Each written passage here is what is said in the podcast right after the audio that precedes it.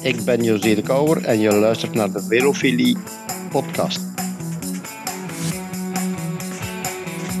Ik ben Peter Winnen en je luistert naar de Velofilie podcast.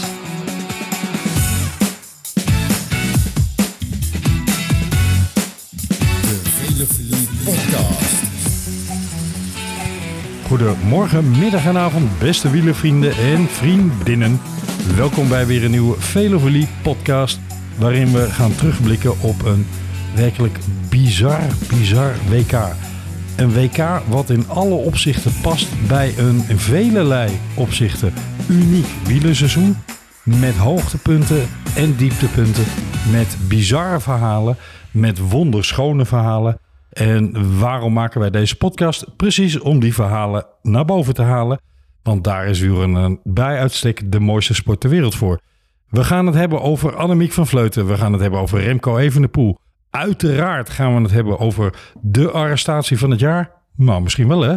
En we gaan het hebben over wat is er toch aan de hand met de organisatie van het Nederlands elftal als het over wielrennen gaat. Want daar was wel van alles en nog wat aan het rammelen.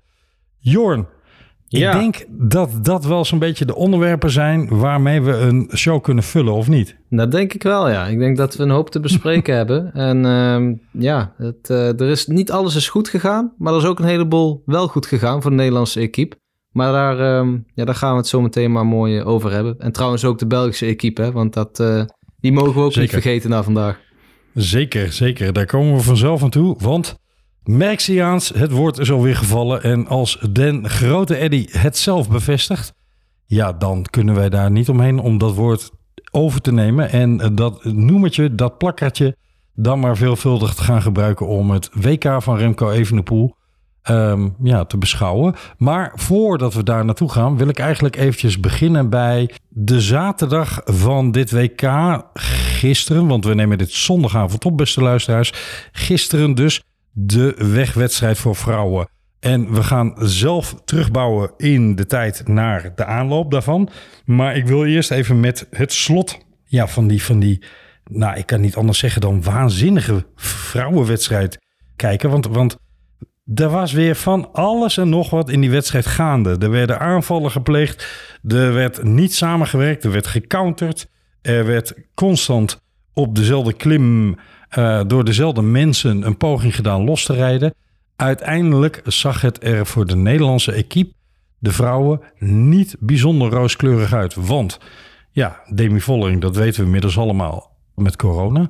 Ik vind het ook wel weer zo typisch seizoen 2022 van het wielrennen. Dat ja, mensen die eh, topfavoriet blijk, lijken niet blijken te zijn. Omdat ze ineens last minute ups, uit koers zijn. Of niet in koers geraken, laten we het zo noemen. Dat hoort ook bij dit seizoen, waar, waar ja, je eigenlijk nergens echt op kan bouwen.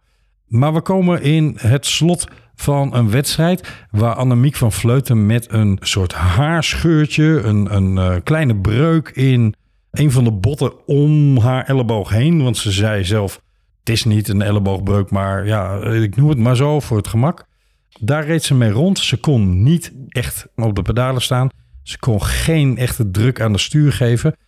En toch countert ze op ongeveer 800 meter van de finish, denk ik.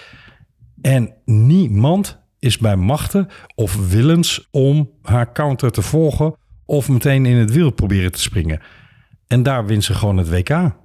Ja, ja prachtige. Ja, eigenlijk was dat ook de samenvatting eh, van het WK voor vrouwen, denk ik. Maar bovenal een spectaculaire koers. Eentje die we bij de mannen niet hebben gezien. Maar goed, daar komen we dadelijk wel eh, op terug.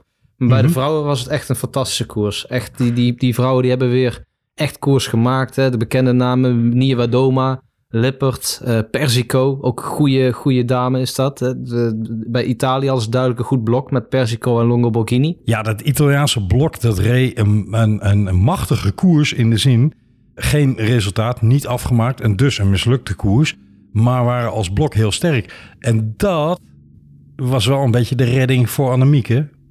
Ja, dat was sowieso wel de redding voor Annemie- Annemiek. Kijk, het was. Kijk, als we het even kort samenvatten, die slotfase, die laatste rondes. ehm, het bleek eigenlijk. Nou, Demi Vollering die is er dus niet bij geweest. Die had hier denk ik wel een hele goede kans gemaakt hoor. Want dan was de koers ook Mhm. anders gelopen.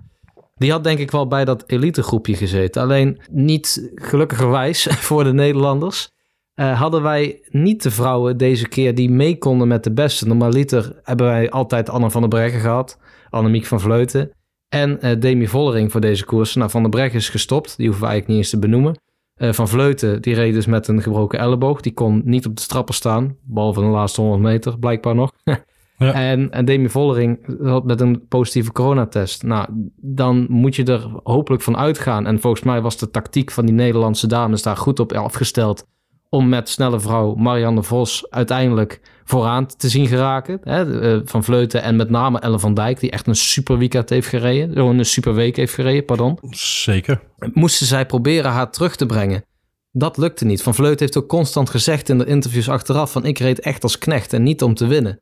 Zo, Zij heeft, zo- zij heeft ook Vos een paar keer teruggebracht. ja, zeker. En ook dus in die laatste en Van ronde. Dijk ook, hè, trouwens. Ja. Ja, maar in die laatste ronde, Van Dijk heeft constant gereden om, om, om Vos en, eh, eh, voorin te, te houden. Ja. En eh, gaatjes dicht te rijden. En Van Vleuten reed echt die laatste ronde voor Vos. En wat gebeurde er? Inderdaad, Longoborghini, eh Ludwig, eh, eh, Lippert en eh Nieuwa Doma. Nou, dit is eigenlijk vier van de, de, de beste dames eh, ter wereld in het, eh, in het wegwielrennen. Die gingen er vandoor. En nou, Opnieuw, hè? Ja, opnieuw. En, en Kopecky en Vos, de snelle dames, konden niet mee. Kopecky had min of meer het geluk dat er voorin werd stilgevallen, waardoor zij terug kon keren. Maar Vos kon echt op het aller, aller, aller, aller, allerlaatste moment van Mount Pleasure, dat is dus die, die, ja, toch wel befaamde heuvel nu van het WK wielrennen, kon zij net niet mee. En Van Dijk heeft daarachter nog heel hard gereden om haar terug te brengen. Op een gegeven moment dacht ik ook van alles komt weer bij elkaar. Maar toen dat groepje met Van Vleuten en eh Kopecky dus terugkwam, ja, toen werd er toch nog even aangezet. En in die laatste kilometer kwam die achterste groep, die grote groep waar Vos die sprint won, er niet bij. En ehm, nou ja, goed, wat daar vooraan gebeurde, ja, dat heb jij net al heel mooi samengevat, Camille. Maar laat ik dan zo zeggen, ik denk van alle overwinningen die Annemiek van Vleuten ooit heeft geboekt, dat dit er degene was die zij eh, zelf ook het minst aan zag komen. En ja, des Ja. te mooier hè, dat ze toch die laatste 100 meters nog aan het stuur kon trekken. En Van Vleuten die eh, wordt gewoon voor de tweede keer wereldkampioen. Hè? En, eh, vlak voordat ze, of vlak, ja, ze eigenlijk aan het einde van haar carrière. En dat, dat is toch wel een, een Ja, koning gaat nog een alles. jaartje door, hè? Voordat je denkt ja, dat ze... ja, ja, voordat mensen denken dat ze nu stopt, dat is niet zo. Maar laat ik het, ja, het was stiekem ook wel, ja, ze wil nog een keer een jaar in die regenboogtrui rijden, dus dan is het wel mooi. Maar ja, als jij in één jaar tijd, dus de WK, de, de wereldtitel pakt, de regenboogtrui, je pakt de rode trui in de Vuelta, je pakt de gele trui in de Tour en je pakt de roze trui in de Giro, eventjes in chronologische volgorde terug van het heden naar het, het begin van het seizoen. Nou, dan, dan ben je... Dan ben je uniek. Hè? Wij benoemen altijd Marianne Vos als de, de, de GOAT, Nou, de greatest of all haalt me de time. woorden uit mijn gedachten, echt Maar waar. ehm, ik vrees dat er iemand naast gezet eh, moet worden, Camille. er is, Jorn, maar dat, dat mag gevoeglijk bekend zijn bij onze luisteraars. Er is geen wielrenner ter wereld, man of vrouw, die gepresteerd heeft wat Annemiek van Vleuten heeft gedaan. Namelijk een Grand Slam, hè, de drie grote rondes in één seizoen winnen. Is geen één man gelukt. En het WK erbij, de wegwedstrijd. Want ja, het was natuurlijk, het is nu al een golden slam voor Annemiek. Maar stel je voor dat ze op die tijdrit ook nog iets had kunnen presteren. Ja, dan, eh, dan was het helemaal bizar geweest. Of op de relay natuurlijk. Hey, speaking of relay. Laten we even teruggaan naar dat moment waarop ja, het voor de Nederlandse equipe hè, in, de- in de schaduw daarvan was er al het een en ander gerommel geweest. Want junioren die op het vliegveld stonden, las ik op Wielenflits, zonder begeleiding van de KNWU. Fietsen die niet betaald bleken te zijn, althans de tickets ervoor, ervoor eh, naar Australië toe. En ehm, op het laatste moment senior rijdsters die even als een soort van reisbegeleiding werden aangewezen. Het, was, het, het rommelde, laten we het zo zeggen. We komen bij die mixed relay aan en daar gaat het natuurlijk hartstikke fout voor Bauke Mollema. Zonde, want had zijn zinnen hier wel een beetje op gezet hoor. eh, als, als Nederlands kampioen tijdrijden. Hè? Die, Ja. eh, die, die wilde daar goed presteren. Zeker. En we hadden toch, wel een dreamteam hè, met Nederland.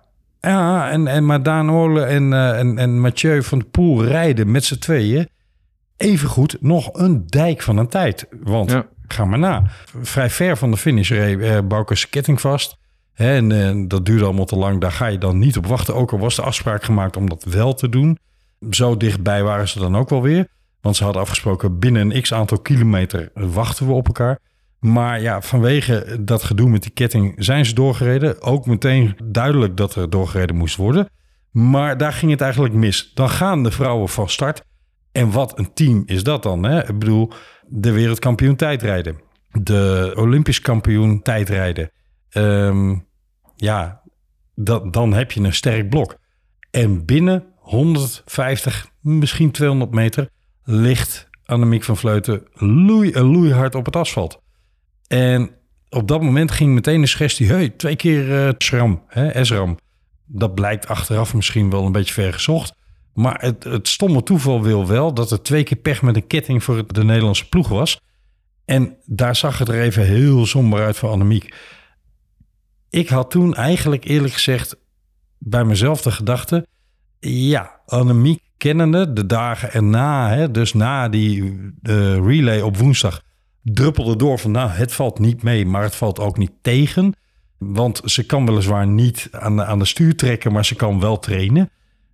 Ik dacht toen al, ja, Annemiek kennende. En omdat haar perspectief was die regenboogtrui pakken...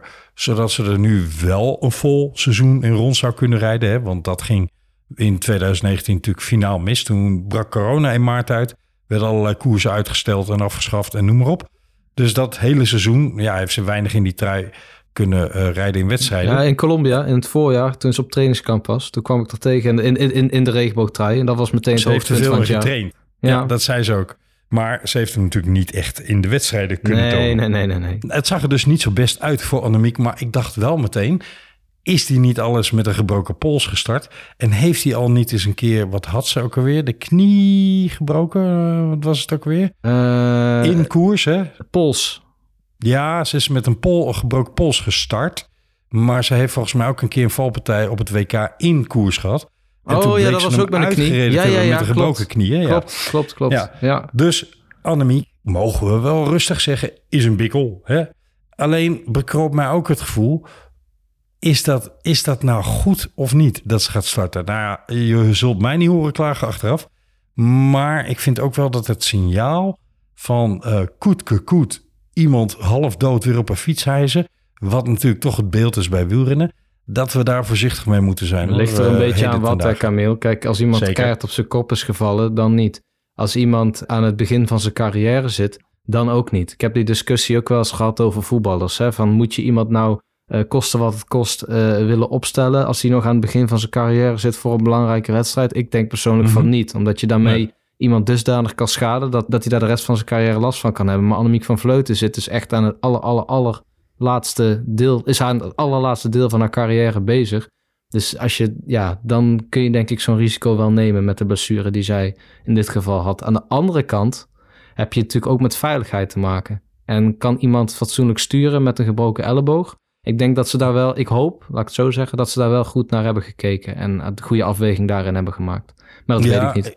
Lotte Kopecky heeft daar uh, opmerkingen over gemaakt. Ik vond ze niet heel chic. Is dat zo? Is dat ja, zo? Ja, die heeft precies dat punt aangeroerd door te zeggen... je moet Annemieke van Vleuten nooit afschrijven. Hè? Voorafgaand aan uiteraard oh, de wegwedstrijd okay. voor de vrouwen. Maar zij vroeg zich ook af, ja, in hoeverre uh, ben je superscherp... en kun je goed sturen enzovoorts met zo'n uh, blessure... En, en brengt dat anderen in gevaar. Op zich een, een, een relevante en terechte vraag. Hè? Ik denk alleen niet dat je die in de pers moet stellen... maar dat je die in het peloton of bij de jury of wat dan ook moet stellen. Nou, ook niet Ehm, bij de jury. Ik denk, weet je, Camille, ik, ik, ik, ik zeg het dus net zelf, hè, dus ik snap die opmerking van Kopecky ook wel. Je moet Ja. hem in, intern houden, daar ben ik het met je eens. Maar je moet er vooral ook van uitgaan dat een koersdokter, of een dokter in dit geval van de Nederlandse ploeg, maar dan moeten we het daar ook nog maar even over hebben, over communicatie daar. Maar ik denk dat de, de koersdokter, dat die dat kan en moet bepalen op zo'n moment. En volgens mij is zij, zij is toch ook naar een ziekenhuis geweest waarin de, er werd bepaald dat dat kon. Ik geloof dat er een dokter heeft gezegd van, ja, hè, het is niet ideaal, maar je kunt er gewoon mee, mee fietsen. Dus ik Ja. ga ervan uit dat dat goed was. En dan, inderdaad, om dat dan in de pers te gaan gooien, dat vind ik ook niet zo chic. En dat, eh, Nee, nee, dat, daar krijg ik ook chic. niet. Nee, daar krijg ik geen lekkere, dat is geen lekkere nasmaak, inderdaad. Ik, ik wist dat niet. Ik, ik hoor het nou voor het eerst. Maar dat Nog zou ik nooit hebben gezegd. vind ik de suggestie die Dirk de Mol live op Sportza deed. Door te zeggen, ja, ik weet niet of ze echt zo'n blessure heeft. Vind ik ook Eh, niet chic. Vind ik ook een nee. hele... Nou goed, dat, ik hoor dat nu allemaal voor het eerst hoor. Maar dit, dit vind ik allemaal niet... eh, geen, geen goede woorden. Nee. Nee, Maar nee, dat neemt niets weg van de glans die de Nederlandse vrouwen naar huis brengen. Namelijk twee keer goud. Ellen van Dijk reed een, een dijk van de tijdrit. Daar kon simpelweg niemand tegenop. Nee, dat, eh, dat, zij is wel echt de top of the bill als het gaat om tijdrijden hè? bij de vrouwen. Maar sowieso, hè, die wattage die zij waarschijnlijk weg kan trappen. Ik heb daar geen cijfers van hoor, maar die, die moeten echt bizar zijn. Sowieso werelduurrecordhoudster. Dus dat Ja. laat ze ook wel nu even zien, hè? dat zij echt de wattage koningin is eh, van het peloton. Want dat is, dat is echt niet normaal wat zij eruit kan stampen ten opzichte van de concurrentie. We hebben het vooraf in de, in de voorbeschouwing genoemd, hè? Marlon Reuser en Annemiek van Vleuten als, eh, als haar uitdagers. Nou, Ja. Reuser liet dat ook zien. Die Zwitserse dames hebben sowieso goede, goede tijdrijders. Eh, en bij de mannen natuurlijk ook. Goede specialisme, goed specialisme daar. Maar tegen Van Dijk, nee, daar is geen kruid tegen, tegen opgewassen. Nee, En, to- en toen was het signaal van Annemiek nog niet per se heel gunstig. Want Nee, die zeker niet. Een hele matige tijdrit. zeker niet. Maar dat kwam dus goed. En, en ja, het is al wel eerder gezegd. Tegenslag lijkt Annemiek van Vleuten alleen nog maar meer te motiveren. En in dat opzicht is zij mentaal zo knoepertje hard. Of kan zij knoepertje hard zijn. Hè? Want dat is ze al als karakter, als persoon helemaal niet. Mentaal wel. Als er bij haar iets moet gebeuren wat eigenlijk onmogelijk geacht wordt. Ja, laat dat maar aan Annemiek over. En dat is eigenlijk ook de enige verklaring die ik heb voor het feit dat de Lipperts, de Kopecki's enzovoorts van deze wereld op het laatst Annemiek zien wegrijden. Want ze demareert. Hè, de, de- situatie als volgt. Die, die vier, vijf dames werden wederom bijgehaald door een groep van, ik dacht dat het er ongeveer tien waren daarachter. En daar zat eigenlijk nog een heel klein groepje van drie Ja, een vrouwen beetje verwarrend. Het was een beetje een verwarrende situatie. Ja, een, ver- Ja. een verwarrende situatie is altijd. Hè, als zo groepen stilvallen en dan van achteruit aankomen sluiten. En zeker in de slotfase. Maar ze moest dus, nou pak een beter man of 15 tot 20. Ja. Een vrouw of 15 tot ja, 20 15, erbij. zoiets is wel een goede Ja, en. En, en, de, en ze kwam echt letterlijk bijna uit laatste wiel. Het was ook niet dat je zegt een verschrikkelijk splijtende demarage. Hij was volkomen op snelheid, omdat ze die snelheid meenam. En je ziet ook bij amateurbeelden dat, dat hè, ze komen van een soort klein afdalingje, net in een kommetje en dan eh, woeps, schieten ze weer omhoog daar. Dat was het punt precies waarop zij aanvalt. Heel slim, heel tactisch, verstandig en juist gereden daar. Haar enige kans ook, hè, want ze kon nou eenmaal niet meesprinten met die arm. ja. En ze verraste gewoon Jan en alle man mee. Dat, dat, dat is eigenlijk de enige verklaring die ik heb voor het feit dat ze haar laten wegrijden. Ja, los en nog van, eentje. Los van de macht hè, die je ja, moet hebben. dat is waar. Maar nog één, één ding. Zelfs wel, ik heb het nog een keer teruggekeken. In de laatste, zeg maar vanaf het moment dat eh, Vos en Co. moesten lossen... en Kopecky eh, uiteindelijk eh, en, en, en Van Vleuten dus ook terugkwam. Van Vleuten heeft in dat moment van terugkomen... heeft zij uiteraard helemaal niks gedaan. Hè? Kopecky heeft daar voornamelijk het werk gedaan... in die Ja. groep die, dan, die toen terugkwam. En Labousse meen ik ook dat die heel veel werk deed... Ja. En op het moment dat zij komen aansluiten, zie je dus dat Kopecky heel erg voor in die aansluitende groep zat. En Labousse, en, eh, die dus heel veel werk had gedaan, en Van Vleuten helemaal achterin zaten. Van Vleuten heeft eigenlijk constant het laatste of één laatste wiel gehad in die, in die tweede Ja. groep. Dus op het moment dat ze kwamen aansluiten, en wat jij dus net benoemt in dat stukje wat een beetje lichtberg afliep, en waar zij dus die snelheid kon meenemen, daar is de enige die echt kon reageren, die haar heeft zien gaan, was Labousse. Want die zat bij haar, maar die kon Ja, het die niet. zat zelfs in de wiel, toch? Ja, maar, Ja. Die, maar die kon het niet. En, Nee, die kon eh, niet. die kon het niet. En de rest kon het vanzelfsprekend niet, omdat Van Vleuten aan de andere kant van de weg al op snelheid zat. En dat, ja, dat voorkomt eigenlijk dat die dames daarbij in het wiel konden zitten. Ja, tenzij je heel snel reageert, maar niemand had dat Ja. verwacht. En dat is dus die, die verwarrende Nee. situatie waar ik het net over had. Dat kun je bijna niet voorkomen. Dat is één, nou, een paar flitsen en dan ben je eigenlijk al te laat. En je, volgens mij zag je op dat moment, dat heeft Kopecky trouwens ook gezegd hoor. Zij zat in die zetel, hè? zij was de snelste van allemaal, want Vos zat er niet bij. Zij kon wel aansluiten, Vos niet. Ja. En volgens mij op het moment dat zij van Vleuten zag gaan, toen wist zij al hoe laat het was. Toen wist ze gewoon al, hier verlies ik hem. Het moet een ontzettend klote gevoel zijn voor haar. België baal, op de Belgische tv baalden ze daar ook heel erg van natuurlijk. Want Kopecky Ja. die had, eh, ja, die zat eigenlijk toch wel in een zetel. Maar ja, aan de andere kant, als je dan van iemand moet verliezen, dan, eh, ja, dan kan het maar beter van Annemiek van Vleuten zijn. Ja, ik denk dan altijd, nou poeven dan maar naartoe en kijk maar of je kapot gaat. Want ja, je wordt maximaal tweede. Maar goed, dat telt natuurlijk ook. Eh, dus ja, zilver is in, in dit geval dan misschien letterlijk best of the rest. En misschien wel eh, een gouden randje. Laten we het dan maar zo benoemen. Ik wil nog even twee puntjes heel kort aanstippen hoor. Gaan we niet lang over door. Lippert was de duidel- duidelijk sterkste vrouw in koers. Zeker. En Ultroep Ludwig moet eens stoppen met de gelinkenbal van haar. Ja, Er is, een, er is ook wel wat gedoe geweest op de socials over de manier van koersen van haar. Ja, ik, ik, ja ze heeft gewoon twee keer een, eh, een, een, een kopgroep in, eh, in puin gereden eigenlijk. Hè? Dat mag. De- dus ook dank aan, eh, aan haar bijdrage. Want dat was eigenlijk de kans dat de rest weer terug kon komen.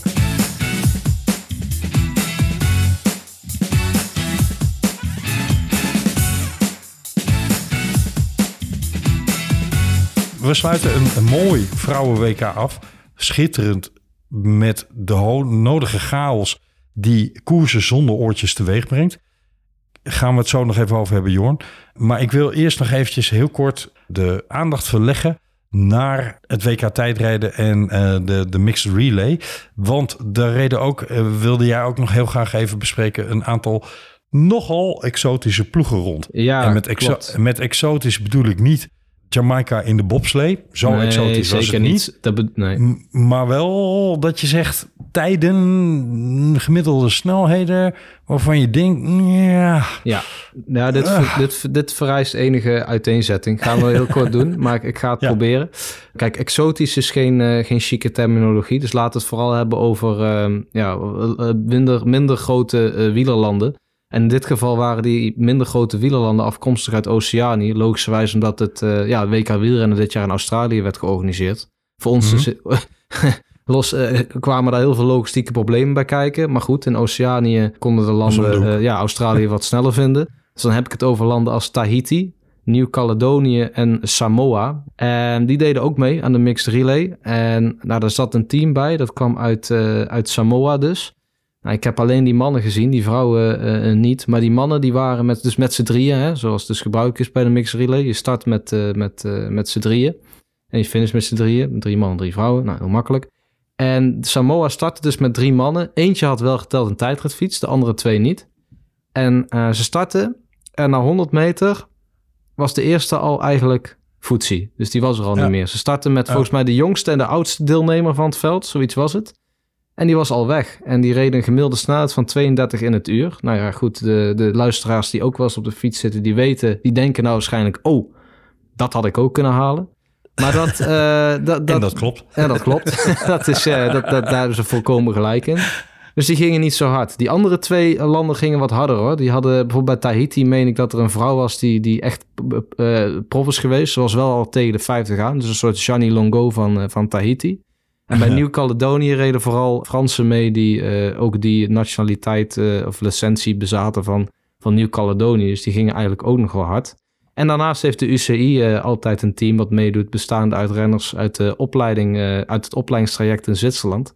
Ja. En het zijn voornamelijk Afrikaanse renners. Dus jongens afkomstig uit Rwanda, Eritrea, Algerije, nou, zulke landen. En die rijden eigenlijk ook best nog wel hard hoor. Die zaten wel echt gewoon op de dikke 45 plus. Dus nou, Ja, voor, de, voor de mensen die denken dat dat had ik ook nog wel mee kunnen fietsen, dan kom je ik toch van de koude kermis over thuis. die 32 puur hoor. Ja, dat, eh, precies. Dat was, eh, dat- en, ja, Olympische Spelen is een andere setting, Jorn. Daar kun je, mm, nou ja, onder het motto eh, meedoen is belangrijker dan Ja. winnen. Alle landen eh verbroedert en verenigt u enzovoorts. Kun je nog een hoop goed praten over bepaalde deelnemers. Maar ik vind een WK bij uitstek iets waar een soort van ondergrens à la ja, normering aan vast zou moeten Maar, maar dan was dit Eh, WK daar wel een, eh, een exceptioneel voorbeeld van, hè? Van, dat, van die, die, die nou, eh, minder grote wielerlanden. Want heb je dat verhaal meegekregen van een Rien Schuurhuis? Ik weet niet, volgens mij Ja, is dat zeker. zijn naam. Die voor Vaticaanstad. Ja, dat is nog nooit vertoond. Hè? Dat is een van de weinige mannen ooit, of mensen Zou ooit. zijn fiets gezegend zijn? Dat, dat, dat moet wel, toch? Hij rijdt in dienst van de paus, dus dan... eh, nee, maar is een van de weinige atleten, dus gewoon mondiale sporters, ooit die voor Vaticaanstad is uitgekomen. Dus dat is ook Ja. wel... eh, dit WK was bij uitstek wel eentje van... eh, ja, van opvallende, opvallende wielernaties. Ja. Nou, en opvallende zaken, want ik neem jou even mee terug, en dat is dan meteen een bruggetje naar de mannenwedstrijd. Ik neem jou even mee terug naar het EK in Alkmaar. Was dat 2019? Ja, waar eh, Viviani won. Ja, en waar Remco Evenepoel op de tijdrit een hoop gedoe had over zijn sokken. Oh ja, die, wa- klopt. die waren te hoog. Ja, Daar werd letterlijk met een centimetertje naast gezeten van... hey, kijk eens. Ja, ja, nee, ja, sorry meneer Van der Poel, maar, maar nee, die zijn te hoog. En wat gebeurde er? Zijn sokken werden letterlijk een stukje naar beneden gestroopt. En anders had hij niet mogen starten. Ja, dat maar- was de discussie ja, en toen. weet je wat het mooie was? Dat was inderdaad de discussie. Dat deed hij ook. Mhm. Hij deed die sokken, eh, die werden korter gemaakt. Ja, Even de en pool 100 was meter ver na de start deed hij ze weer omhoog. Nou, dat wilde ik vertellen. Ja. Ja, maar dat was uiteraard een bruggetje naar de boete die Annemiek van Vleuten heeft gehad. Twee boetes. Eén, een organisatorische janboel van hier te Tokio. Maar twee, eh, daar kom ik zo op. Twee was het feit dat ze kniekousen aan had. En ja, ik vraag me dan af, UCI, los van dat ik Annemiek van Vleuten natuurlijk gun dat ze wereldkampioen geworden is. En ja, dat niet mooier had kunnen doen. Maar ze had gewoon niet met die sokken mogen rijden. Nee. En ze heeft nu 200 frank boete gehad. En maar ja, dat is, toch, dat is toch krom? Ofwel, je zegt, die regel is er omdat je navenant voordeel hebt van aerosokken die tot aan je knie reiken bijna. Eh, en dat mag niet, dus de regel is halverwege de kuit, klaar, punt. Of je leeft die hele regel niet na, één van de twee. Ja. Maar je kunt, niet, je kunt niet op de ene officieel door de UCI gereguleerde wedstrijd, namelijk een EK, zeggen we gaan erop handhaven en daar gaan we een hoop uh, over maken. En bij de andere achteraf constateren dat iets niet kon, wat iedereen op het oog al had kunnen zien. Jij zag het, ik zag het, iedereen zag het. Maar dat was nog niet de enige grap die Annemiek overkwam. Want ze reed ook nog eens in een snelpak. En ik vraag me werkelijk af hoe je dat voor elkaar krijgt als KNWU zijnde... om een snelpak in het traditionele oranje te hebben... terwijl het de gewone wedstrijdtenu... Hè, het uit bibshort en shirt bestaande wedstrijdtenu... uit een voornamelijk wit met oranje stipjes bestaand shirt sta, bestaat... waardoor de jury dus, nou, wat was het, een half uurtje koers zei... dit kan niet, want jullie rijden niet in hetzelfde tenue rond... En hup, weer 200 frank boete voor Annemiek. Nou ja, die zal haar zorg zijn. Maar dat kun je toch als KWU van tevoren niet zo regelen? Dat bestaat niet. Dat je op de min of meer toch belangrijkste wedstrijd van het jaar... in veel opzichten, zowel bij de mannen als vrouwen... dat je het voor elkaar krijgt om je spullen niet voor elkaar te hebben. Ja, dat moet je bij de Belgen niet doen, hè? Dan, uh, dan hang je er echt in. Dus, ja, en terecht. ja, dat is zo. Ja, terecht. Ik ben het helemaal met je eens. Ik... Uh... Ja, ik moet jou hier op het antwoord uh, schuldig blijven, Camille. Daar ken ik de KNWU helaas uh, zeker de laatste jaren niet goed genoeg voor. Als in, ik ben te weinig weer bij wedstrijden en bij KNWU dingen, gerelateerde zaken betrokken geweest. Maar ik, ik, het, is, het lijkt inderdaad op een beetje organisatorisch uh, geblunder. Als ik het allemaal zo uh, mag concluderen ziet, aan het einde van de week, toch? Je, je ziet van tevoren een foto waar uh, hè, de podiumpresentatie van de vrouwen, waar je Annemiek al in dat snelpak ziet staan. En het wijkt zo duidelijk af van die andere shirts, dat ik me afvraag of iemand bij de KNWU, althans bij de staf daar in Australië, zich überhaupt heeft afgevraagd, hey, kan dit eigenlijk volgens de regels? En iedereen weet nog, als je had opgelet, van het, EK en, het WK in Engeland, u weet wel, dat WK van de hongerklop van Mathieu, uh, ja, dat, dat er een hoop gedoe was over uh, regenjasjes die niet bij het landentenu pasten enzovoorts. Hè, ja, omdat iedereen in die gabba's zijn nog regenjasjes, hè? dat is ook altijd ja, in de Tour zo met die sponsoring. Over. Ja, ja. Dus sindsdien is het al een bekend thema, hè, dat het Ja, maar die, die, regen, die regenjasjes, dat is eigenlijk al sinds jaar en dag zo, hè, Camille. Ze de Tour ook altijd, omdat dan die regenjasjes komen, als in één keer heel dat peloton vol met die zwarte regenjasjes, en kun je de sponsor weer niet zien, is daar weer gedoe over. Dus dat, ja. dat, dat klopt. Maar ja, dat staat een beetje los van nu met die, met die, die snelpakken en die normale pakken en die afwijkingen. Want dat, uh, ja, dat, dat kan gewoon niet. Dat, dat vind ik gewoon heel raar. volledig ander tenue. Ja, ja dat, dat, klopt. dat gaat nou helemaal niet. Klopt, ja, heb gelijk. Dus uh, ja, slordig. Maar enfin.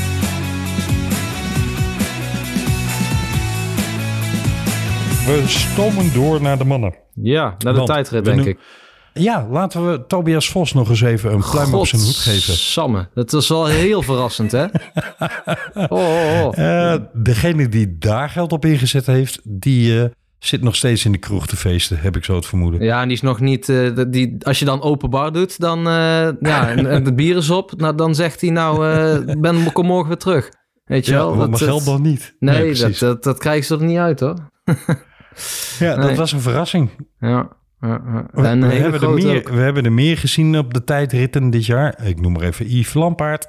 Maar ehm, deze had zelfs Tobias Vos niet zien aankomen. Nee, Tobias Vos niet, Remco Evenepoel niet. Heb je dat gezicht Nee, van Evenepoel gezien? Zeker. Toen Ja. hij hoorde dat Vos had gewonnen. Dat was ook wel mooi om te zien hoor. Dat, dat, dat, mensen hadden het echt intern, ook daarbuiten. Hè, dus wij, nou, niemand had dit kunnen zien komen eigenlijk. Hè. Vos reed een best wel, ik durf het wel te zeggen, best wel een matig jaar. Hè. Niet, eh, niet goed in de, in de Giro onder andere. Was een van de Jumbo-Visma-renners die daar eh, ja, toch wel niet heel goed presteerde. Ging daarom ook niet mee naar de Vuelta volgens mij. Was ook het een en ander, eh, was ook gedoe over. Dus ehm, ja, maar hij sluit wel af met eh, het hoogtepunt in zijn carrière. En eigenlijk wat voor een, hè? want Jumbo-Visma heeft dus gewoon een wereldkampioen in huis... die ze zelf niet zagen aankomen. Ja, Rowan Dennis, maar die reed niet. Dus dan eh, ja, bleef er eigenlijk niet heel veel over. Van Aert reed ook niet trouwens. Dus Nee. ja, en toch hebben ze met Vos nu een wereldkampioen in huis. Zou ik als, eh, als ik eh, de leiding was, eh, Richard Plugge en co... zou ik wel heel... een hele aangename verrassing vinden. Volgens mij vonden ze dat ook hoor. Dus daar hebben ze denk ik wel Ja, eentje op gedronken. Ja. Ik meen dat genoemde Richard Plugge, ik weet het niet zeker, maar ik meen dat hij op de Twitters reageerde met WTF Ja. toen de uitslag bekend was. ja. En dat zegt genoeg. Nou ja, prachtig, prachtig. Tegelijkertijd is, ja, eh, ik, ik, ik, kan me niet onttrekken. Ik, ik meen dat dat een eh, WK was waar Tom Dumoulin de grote favoriet was en waarin die derde werd toen. En waarin Kirienka won.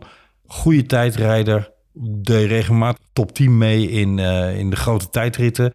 Maar een onverwachte wereldkampioen. Nou, Tobias Vos kan een aardige tijdrit rijden. Maar behoort never nooit in welke ronde of wat dan ook tot de favorieten in een tijdrit. Dus ja, dit is wel een echte uitschieter. Ja. Maar goed, dat is hem gegund. En ehm, dat eh, is inderdaad toch een beetje een zegel op een verder matig seizoen. Ja. Hij gaat nog wel door bij Jumbo, dus hij, Ja. hij kan mooi in die, eh, in die regenboogtrui rondrijden in eh, tijdritten. Al vraag ik me af in hoeveel tijdritten wij hem gaan zien. Maar dat zal volgend jaar uitwijzen. En dan gaan we het verder niet meer over het relay, de relay-uitslag hebben. Want ik wil gewoon echt over de mannenwedstrijd gaan praten. Niet omdat die nou zo geweldig spannend was, Jorn. Nee. En niet omdat daar niet dingen gebeurden waarvan je van tevoren kon bedenken. Ja, natuurlijk gaan die gebeuren. Hè, de bekende, nou ja, we mogen dat woord niet meer gebruiken, maar waaier die, eh, die ontsnapte. Ehm, alleen, de koers werd vrij vroeg geopend door een gerenommeerd land, namelijk Frankrijk. En dat verbaasde me dan wel weer een beetje. Ja, maar ja, ja. Nee, ik, eh, ik, ik, voordat de luisteraars nu gaan denken, goh, wat komt de jongens zagrijnig over. Maar ik heb, ik heb vandaag echt geen leuk WK gezien hoor. Ja, een fantastische winnaar, dat, dat wel.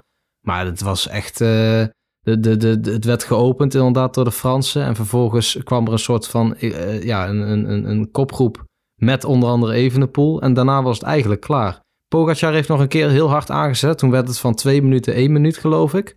En daarna was het gewoon, werd de handdoek gegooid. En eh, ja, was het wel duidelijk wie er, wie er ging winnen. Ik heb eigenlijk geen moment meer op het puntje van mijn stoel gezeten. En dat vind ik wel heel jammer voor zo'n WK. Dan, eh, ja, Ja. er waren edities bij, laat ik het zo zeggen, waar ik meer, eh, waar ik warmer van ben geworden hoor. Want het was eigenlijk vrij vroeg al gedaan. En ook met koersen was het gedaan. Hè. Wij- misschien hebben wij dat dan niet gezien, dat daarachter nog die grote groep dat, dat Van Aert en Co nog hebben gekoerst. En, en, en dat ze daarom uiteindelijk nog terug zijn gekomen. En Laporte tweede wordt en Matthews derde.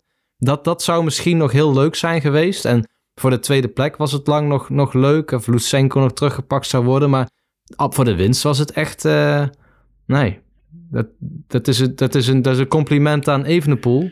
Maar Ik wou, wel... net, ik wou net zeggen, Jorn. Ja, Het- een heel groot het- het deed compliment. jou- Het deed jou toch ook aan San Sebastian denken? ja, en aan zeker. andere zeker. exploten van hem. 40, 80, mag 60 ik daar dan kilometer. wel tegenover zetten? Als jij concurrentie bent, hè? ik noem maar even op Frankrijk, Italië. Gewoon landen met, eh, met, met best wel een goed, goed blok. En dan Mhm. ga je, ga je dus met Evenepoel in zo'n groep rijden. En dan, dan rijdt hij dus op het vlakke rijdt hij weg. Ja. Ja, met, met drie Fransen in de kopgroep. En er zit er niemand bij. Mag ik daar vraagtekens bij plaatsen? Ja, uiteindelijk had hij ze allemaal aan God gereden hoor. Maar het, het gaat mij al om het feit dat hij daar zo even rond die finishboog...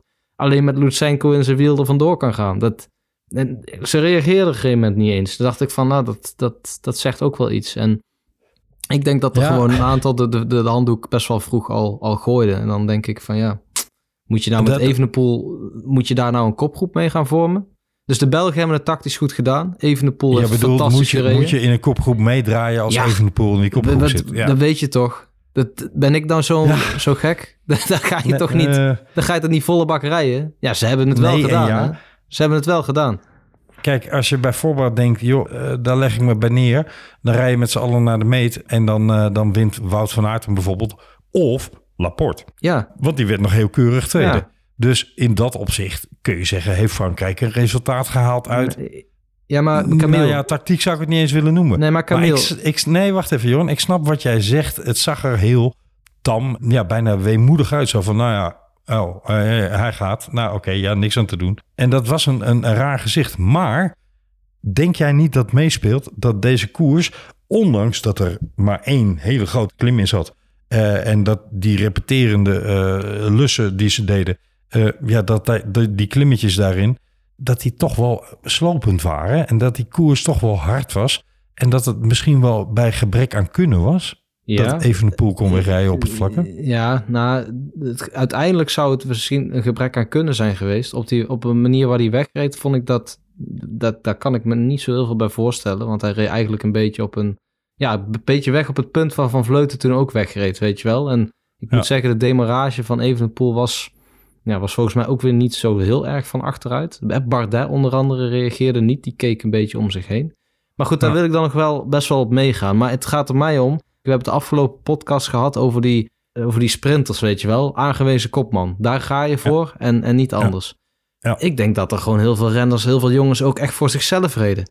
Wat, hè, bij, die, bij die Italianen en bij die Fransen, denk je nou echt dat ze daar voor bepaalde kopmannen reden? Ik denk dat vooral Bardet in die kopgroep voor zichzelf reed. En ik denk dat Rota in die kopgroep vooral ook voor zichzelf reed. Terwijl Ja, maar- volgens mij een hele goede dag had. Dus ik, ik Je ja, kunt ook zeggen dat Evenepoel voor zichzelf reed. Hè? Dat was weliswaar Ja, de dat- kopman. ja, maar dat mede kopman. dat is gewoon een toch. kopman, toch? Ja, oké. Maar een Bardet zal toch ook een bepaalde status meekrijgen. En voor beide geldt, hè, je kunt een beetje de, de één op één vergelijking trekken tussen Bardet en Evenepoel. Als ze het niet in de ontsnapping doen, hebben ze een teamgenoot die het eventueel in de sprint kan afmaken. Ja, maar, dan, ja, en, en Van Aert. maar moet je dan voorin meerijden? Dan moet je juist zeggen wat Quickstep ook altijd zegt. We hebben er één achter zitten. Ik ben hier voor, maar dan rijd ik niet mee. ja, maar dat, dat, Ja. dat moet je dan toch doen als je Laporte... En Laporte wordt tweede, hè? Die heeft dat echt goede benen. Maar goed, misschien omdat je, als je oortjes had, je dat kunnen communiceren. Maar als je achterin nog Laporte hebt zitten en Alaphilippe... En die Maar Italianen we zagen die... bij de vrouwen, hè, Jorn, dat, dat, daar noemden we het juist andersom. Hè. Daar zeiden we, die, die kopgroep werd eh, consequent in de prak gereden, terwijl die telkens ontstond. Dus ja, eh, het, het, het blijkt gewoon, en laten we het daar maar even over hebben, want daar draaien we nu natuurlijk al een minuut of wat omheen. Het blijkt gewoon dat koersen zonder oortjes voor deze generaties buitengewoon lastig is. Ja. Sterker nog, Zeker. Wout van Aert heeft gewoon na afloop verklaard. De chaos was zo groot. Ik had geen idee voor welke plek we eigenlijk nog aan het rijden waren. Van Vleuten wist niet eens dat ze had gewonnen. maar had Van Aert geweten dat hij voor de tweede plek aan het sprinten zou zijn Ja. geweest... Klopt. dan had hij hem er nog iets voller ingesmeten, zei hij. Want hij had- dacht hij nog wel de benen. Dan denk ik, dat is ook gek ergens. Ze koersen het hele jaar door met oortjes. Ik ben overigens misschien wel van mening dat natuurlijk zijn oortjes in heel veel opzichten heel bruikbaar. Hè? Want medische eh, rapportage, de valpartij die in die ploegen daar en daar eh, opletten, glad op de weg, naar al dat soort zaken vanuit eh, de tourradio, zoals dat dan eh, in, de, in de breedte genoemd wordt, de koersorganisatie. Daar ben ik eigenlijk wel voorstander van, hè? want dat komt gewoon de veiligheid van een peloton ten goede. Maar tegelijkertijd, je ziet ook, deze jongens hebben misschien wel een veel minder goed ontwikkeld koersinstinct dan de renners die in de jaren 80 en 90 rondreden toen de oortjes er nog niet waren. Het is een hypothese, hè? maar ik ben heel benieuwd hoe de luisteraars daarover denken. Dus laat dat gerust weten, jongens. Eh, stuur ons een eh, Twitterbericht. Velofilie als je vindt dat ik voorkomen onzin praat. Maar ik denk dat het goed zou zijn als de jongens zonder coaching, dus coaching vanuit de ploegleiderswagen in hun oren, rondrijden die over koerstactiek gaat. Hè, dus misschien wel eh, dat zij kunnen melden aan de auto eh lekkerband, maar niet dat de auto terug kan praten. Ja. En dat algemene informatie vanuit de koersradio over de omstandigheden op de weg enzovoorts, dat dat via de oortjes naar de renners moet kunnen. Misschien zou dat wel een gezonde situatie zijn, want je ziet, zowel bij de vrouwen als bij de mannen, dat ze radeloos en reddeloos zijn op het moment dat ze die oortjes ineens niet hebben. Klopt. Er ontstaat chaos. En Ja. dat is voor ons als toeschouwers heel leuk. Maar als je renners na afloop hoort zeggen, ja, eh, had ik geweten dat ik voor een zilveren plek aan het sprinten kon zijn geweest, dan had ik het gedaan. Dan is dat ook wel een beetje jammer.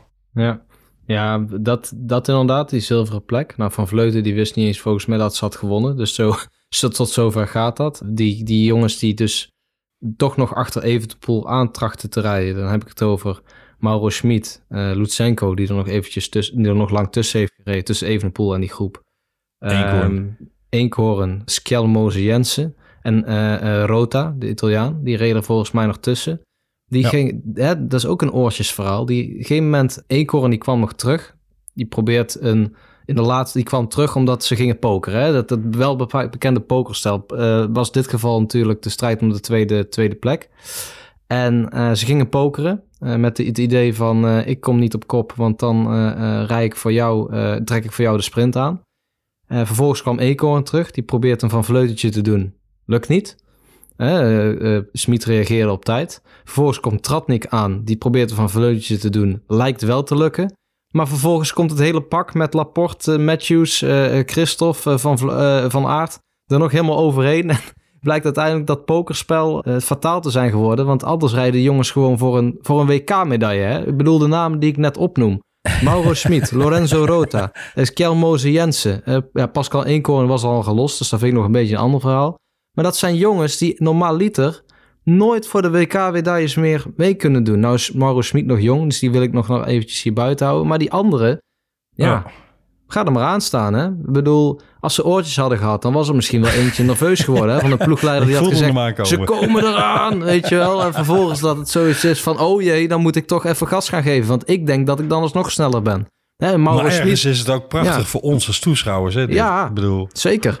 Zeker. Eenkhoorn wordt nu 28ste in plaats van eh, top 5. Ja, misschien wel tweede. Misschien wel tweede, Camille. Ja, je had, ik, ik, had, ik had mijn geld op Evenepoel, of op Evenepoel. Nou, dan had ik eh, heel weinig gewonnen. op, eh, op één koren kunnen zetten voor die tweede plek. Want hij is natuurlijk hartstikke rap. Eh, Rota, Schmid, ze waren trouwens allemaal rap hoor. Maar het had zomaar gekund. En nu, nu wordt Laporte tweede. Uit het niets hè. Die kwamen echt compleet uit het niets. Dat is niet in beeld geweest. Dus misschien dat er nog wel hard is gekoerst. Maar aan de andere Ja. kant, ze eindigen op 2 minuten 21 of zo. Ja, dat is echt ongekend. Evenepoel heeft... eh ja, wou die heeft echt hard gereden, hè, Camille. La, Laporte pakt zilver en maakt daarmee een mooi seizoen eh, keurig af. Schitterend seizoen. Ja. Maar de glans van het goud van Evenepoel is inderdaad wel mm, Merxiaansachtig Zeker. te noemen. Zeker. Eh, ik, Ja. ik wil die vergelijking toch niet te gauw gaan doen. Hoor, want Right. 525 overwinningen is toch nog echt een heel pak andere mouwen. Eh, maar goed, laten we zo zeggen. Het seizoen dat een, een, eh, een elite rijder bij de mannen, een grote ronde, een monument, een WK-titel en verschillende tijdritten en een klassieker pakte, ja, is lang geleden. Er zijn er namelijk maar drie die dat gedaan hebben in het verleden. Binta, Merks en Bernardino. En als je op je 22e in dat rijtje staat, met grootheden als Eddy Merks, de grootste wielrenner aller tijden, en Bernardino, de, de nou ja, absolute grootmeester van het wielrennen eh, na Eddy Merks. Ja. Ehm, Grootste Franse renner ooit, mag ook wel gezegd dat sowieso. Ja. Maar gewoon als je tussen die mannen in een rijtje opgenoemd wordt, dan heb je op je 22e eigenlijk al genoeg gepresteerd om te zeggen, weet je, al mislukt elk seizoen hierna, al stapt hij morgen af en stopt hij ermee, dan is hij voor de rest van zijn leven een legende. Een god in België. Hè? Bedoel, en hij eh, is 22. Ja, waar wij twee, drie jaar geleden... Nou nee, sterker nog, waar wij dit seizoen... waar wij voorafgaand aan de Vuelta nog bezig waren met... jongens, klopt die Remco Evenepoel nou niet de hoogte de lucht in? Want één, laat hij het eerst maar eens doen. En twee, dat helpt hem niet, al die druk. Daar is deze jongen zo rap volwassen aan het worden, of geworden. En volwassen in de koers bedoel ik daarmee. Hè? De, publiekelijk, thuis, eh, noem maar op. Dat gaat mij allemaal niet aan. Nee, volwassen in de koers. Dat hij dit soort stappen weet te zetten. En iedereen weet, hij deed het vorig jaar, toen had hij niet de vorm in Leuven. Eh, iedereen weet, hij gaat het dit jaar weer proberen. Want het is helemaal de Remco Evenepoel tactiek. Rij op een lange solo afstand weg en uh, rij solo naar de finish. En precies zoals hij dat in andere koersen deed, hij bouwt zijn voorsprong alleen maar uit. Ja, het was, het was inderdaad Petje wat jij zegt. Merk Sians. Ja, dat, eh, dat is niet Petje normaal. af, echt Ja. waar. Dus daar moeten we een hele diepe buiging van maken. Zeker. En echt, en echt gewoon zeggen: chapeau, chapeau, chapeau, Remco. Eh, wat een weergeloos seizoen heb je dus gereden. En het is nu niet een einde. Hè. Er komen nog Lombardia enzovoorts aan. Al weet ik niet of hij nu aan het feest of aan eh, de training blijft. Dat Ja. eh, ja, moeten we nog even gaan maar zien. Daar wil ik ook nog wel een aanvulling op, op maken. Want ik, het is echt een fantastische overwinning. Hè? Want het, het is, nogmaals, het is geen mooie koers geweest. Maar hij en, en vooral de Belgen, die maken dit voor mij als koersliefhebber dan nou, niet helemaal goed. Want ik, ik vind het jammer dat, we zo'n, W- dat het WK niet wat spannender is geweest. Maar zij maken heel veel goed in het opzicht van... België is een fantastisch koersland. En zo'n Evenepoel, als die daar wint, is hij daar god. Net als eh Museo, net als Merckx inderdaad, net als Van den Broeke. Hè, Van den Broeke die werd volgens mij ook echt een god genoemd. Hè? Toen hij doodging, werd het wel, god is dood. Nou, Evenepoel is dus nu ook een, een god in België. En eh, die Belgen, die verdienen ook echt. Ieder, ze hebben veel wereldkampioenen gehad. Ze steken daar met kop en schouders boven, bovenaan volgens mij in de lijstjes. En zij verdienen ook gewoon een wereldkampioen. Als de manier hoe zij koers beleven daar. Ja, dat kan. eh, Ik bedoel, als, als nou deze koers was gewonnen door een Portugees. Hè, ik zeg maar even iets.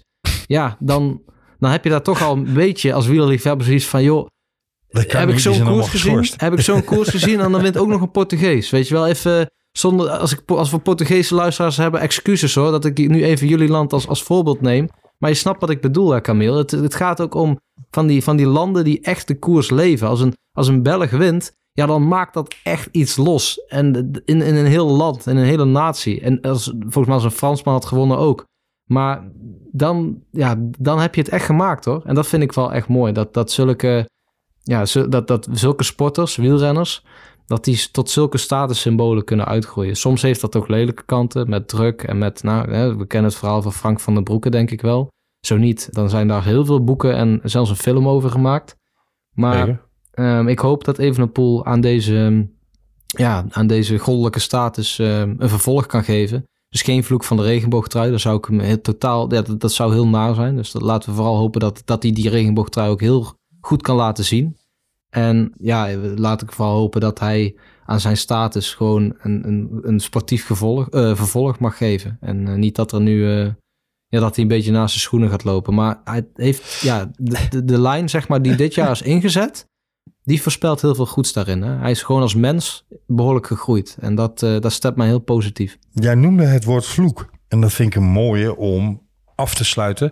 Want als er nou iemand een seizoen heeft gehad waar vloek op rustte, na de Giro, hè, moeten we even eerlijk zeggen. Het voorseizoen was alleszins prima. Met een prachtige ronde van Vlaanderen en een Giro. Met een eh, schitterende sprintoverweging tegen Mai En de roze trui. En daarna is het eigenlijk een koek en sopie geweest. Mathieu van der Poel had een buitengewoon, buitengewoon vreemde, zo niet surrealistische aanloop naar de start van de mannenwedstrijd. Want zoals iedereen ongetwijfeld nu al gehoord, gezien of gelezen heeft, hij zat een nachtje in een Australische politiecel. Nou zou je zeggen, dat kan iedereen overkomen. Maar nee, dat kan dus niet iedereen overkomen. Want van de, nou wat zullen het zijn geweest? 210, nee 200 of 190 renners die van start gingen. Zat er maar eentje in een politiecel s'nachts. En laat dat nou Nederlands troef En een van de schaduwfavorieten voor het WK zijn. En wat was dan daar het verhaal voor de mensen die echt nog niet gehoord hadden of gezien of gelezen hebben hoe het zat? Mathieu van der Poel had een latere vlucht naar Australië dan de meeste van de Nederlandse equipe. Had een andere voorbereiding hè, na die zeepert van de Tour de France. En reed nog wat koersen in België als aanloop, als training. En besloot laat naar het WK te vertrekken. Boekte daarvoor nog even zijn uh, ticket wat hij van uh, de KMU gekregen had om naar een eerste klas ticket. En vloog daar samen met zijn vriendin naartoe. En vroeg toen, omdat hij licht verkouden was aan bondscoach Koos Moerhout... mag ik in plaats van uh, op de kamer met een van de mannen... bij mijn vriendin op de kamer. Want ja, ten eerste, ik heb een ander schema. Ze zijn al beter geacclimatiseerd, dus gaan al iets later naar bed. En ik moet nog bijslapen. En ten tweede, dan besmet ik ook niemand anders met mijn verkoudheid. Nou, zei Moerhout als bondscoach, dat lijkt mij twee vliegen in één klap. Dus ga je gang. Hij lag dus in een ander gedeelte van het hotel dan waar de rest van de equipe lag. En die lagen ook niet allemaal eensluitend op één afgesloten gang of zoiets, maar wel bij elkaar. En ook de staf zat daar in de buurt. Mathieu dus niet. Die zat in een uh, enorm hotel. Waar ook al vraagtekens over waren hoor. Waarom zaten alle Nederlandse mannen en vrouwen op anderhalf uur afstand van Wollongong? Is misschien ook niet zo heel handig geweest, die boeking. Maar enfin, Mathieu zat daar. Bleek uh, s'avonds last te hebben van heel veel geluid op de gang in zijn hotel. Dus we hebben het over zaterdagnacht. Is op een gegeven moment daar blijkbaar zo geïrriteerd door geraakt dat hij mensen op de gang heeft aangesproken van kunnen jullie nou eindelijk eens stoppen met uh, herrie maken en op mijn deur kloppen, want dat gebeurde blijkbaar herhaaldelijk. En naar zeggen van Mathieu is hij daarin enigszins boos geworden, maar is er verder niks gebeurd. En naar zeggen van twee Australische meisjes is eentje tegen de grond gegooid en een ander tegen de muur, waarbij ze ook schaafplekken opliep en hebben die aangifte gedaan. Nou, daar heeft Mathieu toen uh, bondscoach Koos Moerhout van op de hoogte gesteld.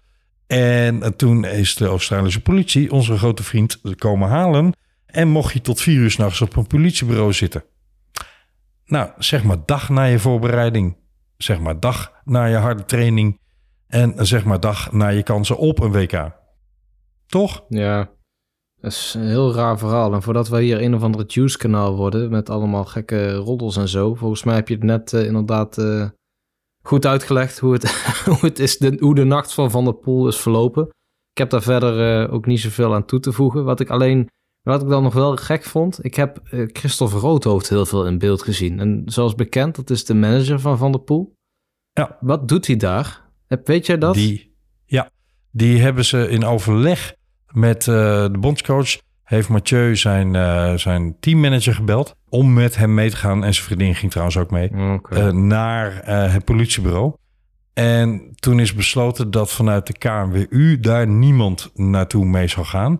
Sterker nog, men heeft het over het hele akkefietje bij het ontbijt niet gehad. En ook in de rit, die dus zo'n beetje dik een uur duurde van het hotel naar het WK-parcours, is het voorval niet te sprake gekomen. Sterker nog, volgens mij zei uh, de eerder genoemde Pascal Eekhoorn dat hij het echt letterlijk een paar minuten voor de start hoorde van Mathieu van der Poel zelf. En uh, dat hij toen dacht, ja, hij neemt ons in de zeik, joh. Ja, dat dacht een, ik ook toen wat, ik het las. Wat hoor. een geinig verhaal dit, joh. Ja, ja dat dacht Ja. ik ook toen ik het las vanochtend uh, heel vroeg toen ik opstond om WK weer aan te kijken. Ik denk, wat is dit, joh? Ik dacht echt dat een grap was. En Mollema dacht, maar wat mij, dacht dat wat ook. mij verbaast, Ja. hè, Jorn, als ze het in de bus onderweg naar die koers. Want nou ja, als je toch anderhalf uur in een bus zit of een uur in een bus zit, omdat je heel ver van het parcours af in een hotel zit, wat doe je in die busrit? Dan ga je toch met z'n allen over tactiek praten. Dat ligt voor de hand, hè? Hmm, Dat- weet ik niet. Mollema die slaapt volgens mij overal. Ralf leest een boek, hè? Ja. Ja, oké, maar even los van Mollema. Nee, maar je, je, je, je probeert toch als bondscoach die tijd nog enigszins nuttig te besteden Zeker. door met z'n allen nog een beetje aan een, een eh, Zeker. En, en, en, en, enzovoort. en en Van der Poel zijn goede maten. Dus die kunnen onderling ook nog een beetje sparren natuurlijk. Hè? Dus dat, Ja. dat, dat, dat verwacht je dan wel. Wie was nou de kopman bij, bij, bij, bij de Nederlandse equipe voor de mannen? Ja, Van der Poel en Van Baarle. Van Baarle Toch? heb ik trouwens... Ja, Van Baarle had in een andere situatie trouwens beter voor de dag kunnen komen. Hoor. Die heeft stiekem nog achter, daarachter wel een goede, een goede koers gereden. Want eenmaal toen Pogacar ging, toen kon Van Baarle ook mee als enige Nederlander. Dus dat, eh, ja, als Evenepoel niet had meegedaan, was dat nog een hele, hele bijzondere move geweest. Maar enfin, daar, daar wil ik dan nog even de Nederlandse equipe op, eh, op attenderen. Ja. Over de prestaties die vandaag natuurlijk niet zo Eenkhoorn waren. en Van Baarle Ja, redden de meubelen. zeker. Dus zo we het wel zeggen. Ja. Maar blijkbaar is er dus over dat hele akkefietje van Van der Poel in die busrit niet gesproken. En dus hebben ze ook niet gezegd: wow, jongens, wacht even, noodrem. Want onze kopman heeft een hele nacht niet geslapen. Want tegen de tijd dat hij terug in het hotel was, schijnt het eh 7 uur 's ochtends geweest te zijn. Dat lijkt me nogal evident om je kopman dan toch een iets andere rol te gaan geven. En ik denk dat Van der Poel zelf ook wel het gevoel zal hebben gehad dit wordt de dood of de gladiolen. Dus het lijkt mij, ja, ik vind, ik vind het verbazingwekkend dat daar allemaal niet over gecommuniceerd is. Nee. Het is al met al een bizar verhaal.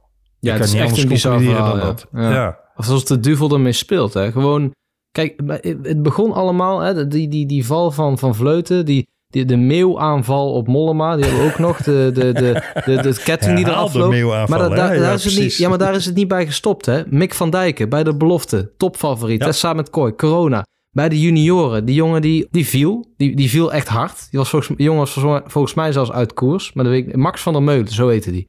Die, eh, nee, die was uiteindelijk niet uit koers, maar die was wel, zijn koers was voorbij, laat ik het zo zeggen.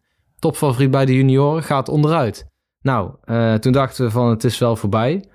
Nou, eh, Demi Vollering, corona, Van der Poel. Nou, hoeven we het niet eens meer over te hebben. Bizar verhaal, echt waar. Dus het, het, het was sowieso een beetje een pech-WK, met toch nog twee wereldtitels voor de Nederlanders. Maar dat heeft met name Ja. te danken aan, ja, aan de, de, de, de oude garde bij het vrouwenwielrennen. Dus die gewoon toppers zijn. Maar voor de rest, eh, bij de mannen, ik denk dat Koos Moerenhout zo snel mogelijk weg wil uit Australië en nooit meer terug wil komen. Ik denk het echt. Dat, eh, Ik denk dat er een hoop te evalueren valt. Dat ook. zowel voor de KNWU, Ja. want daar mag organisatorisch echt wel een tandje bijgeschakeld worden. Maar ook voor Mathieu van der Poel, want het is nou een tweede keer dat hij bij een belangrijke grote wedstrijd laat besluit af te reizen. En ja, dat gigantisch verkeerd uitpakt. ja, communicatie is zo slecht. Ik heb echt, Ja. ik, ik, daarom voor, van mij ook die vraag van Roodhoofd. Ik dacht namelijk, toen ik zag zag hem vervolgens overal in beeld en weinig mensen van de KMU. Ik denk, hoe, die Roodhoofd die is daar, die Roodhoofd, Christophe Roodhoofd, die was daar dus. En, eh, maar jij zei, die is daar vooral als manager dan. Oké, maar volgens mij ben je als, dan is hij daar vooral als toeschouwer denk ik dan of zo. Want Van der Poel is in principe dan, ja, dient hij de, niet langer zijn ploeg, maar de Nederlandse equipe. Bij de Belgen Zeker. is dat ook zo, hè? Die, zijn echt, die Ja. dienen dan België. En Van der Poel dient dan Nederland. eh, dient dus Koos Moerenhout als zijn ploegleider. En het, op de Olympische Spelen diende hij Gerben de Knecht. En het lijkt wel of de communicatie gewoon heel gebrekkig is tussen Van der Poel en de bond. Hè, met de KNWU en met, met dus ook met de bondscoach. Dat, dat, daar lijkt Ja. het echt op. Ondanks dat er Ja. communicatie is geweest tussen Moerenhout en, en, en Van der Poel. Hè, dat blijkt ook. Wat jij net hebt verteld, dat verhaal, dat klopt ook. Is die toch wel... Ja, lijkt, lijkt die toch wel gebrekkig te zijn of zo. En dat is onnodig, denk ik. Want ehm, ik denk dat Nederland... Maar je hele- moet ook de verhouding eh, Ja. bezien, hè, Jorn. Ehm, kijk, de KNWU is een, een, een, een kleine speler in de hele wielenwereld. Ook voor de Nederlandse renners. hè. Eh, want weliswaar zijn ze de licentiegever. En rij je voor de KNWU als je een EK of een WK Ja, rijdt. mag je toch ook trots op zijn? Zeker, absoluut. Dat bedoel ik ook niet te zeggen. Ik bedoel er meer mee. KWU heeft geen cent te makken, kan organisatorisch heel weinig. Ze kunnen niet tegen die renners zeggen: wij boeken voor jullie wel even eerste klas tickets en zo. een afgesloten gang op een hotel enzovoorts. Dus hè, eh, daar waar eh, we het in de vorige podcast hadden over dat Wout van Aert voor 8000 euro zijn ticket omboekte, gebeurt dat bij Nederland ook. Als er al tickets geboekt werden. Dus de KNWU moet eigenlijk al ja, bijna God op zijn blote knieën danken dat die renners komen. Zo moet je het een beetje als verhouding ja. zien. En ik denk dat Mathieu van der Poel donders goed weet welke broodheer hij eh, ja, in het dagelijks leven dient. Ja, dat klopt. Eh, maar dat gaat tot nu toe niet helemaal goed in dit soort officiële wedstrijden. In het dagelijkse parcoursleven, prima. Hè, dat gaat hartstikke goed. Maar zo gauw hij eh, Nederland gaat vertegenwoordigen, zit er inderdaad communicatief iets heel erg mis.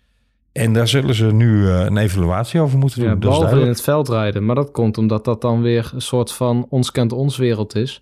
Waarin iedereen iedereen kent. Dus dan maakt het ook niet zo heel veel uit, heb ik het idee. Maar op zo'n Nee. Olympische Spelen en een WK wielrennen in Australië, ja, daar komt organisatorisch en communicatief een heleboel bij kijken op het moment dat jij dus niet voor een ploeg, maar voor je land uitkomt. Dus een, ja, een WK in Australië op de weg is iets heel anders dan een WK veldrijden in België bijvoorbeeld. Hè? Want dan is het toch gewoon om de Zeker. hoek en noem maar op. dus dat, dan, vraag, wordt, dan wordt er ook wel veel van zo'n bond gevraagd. En het, het verhaal wat jij, net, wat jij net zei over dat geld, klopt helemaal, hè, Camille. Dat ben ik ook, dat, dat klopt ook. Alleen, ik, ik zou gewoon graag willen zien dat er een, zo'n, zo'n, zo'n ijzeren mentaliteit zou heersen in zo'n ploeg. Weet je, in België zijn die jongens echt trots dat ze hun land mogen vertegenwoordigen. Ik zeg niet dat het bij de Nederlanders niet zo is hoor. Alleen, daar voel je ook echt dat het tot in detail met op, tv, hè, met de bondscoach, die staat daar. Die bondscoach is daar ook echt een belangrijk figuur, hè, Sven van, van Torenhout. Is daar echt een figuur die, die door het hele jaar lang gevolgd wordt. En die selectieprocedure, die, daar daar wordt al over gespeculeerd in. Nou, na de Giro al, voor de Tour, rondom de, de, de NK's ongeveer. Dan komt hij al. Nee, maar dan komt hij al in beeld, een keertje, Ja. weet je wel.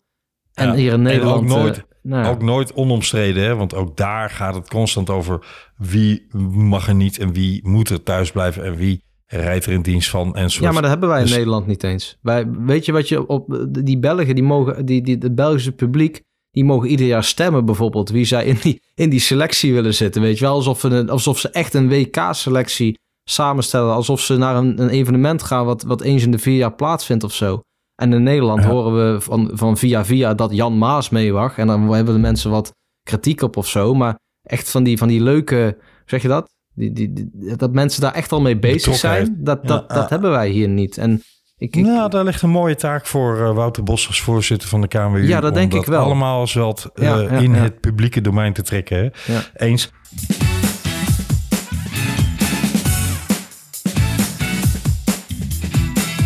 Laten we daarover afronden, Jorn. Ik wil eigenlijk met de slotconclusie komen van dit WK.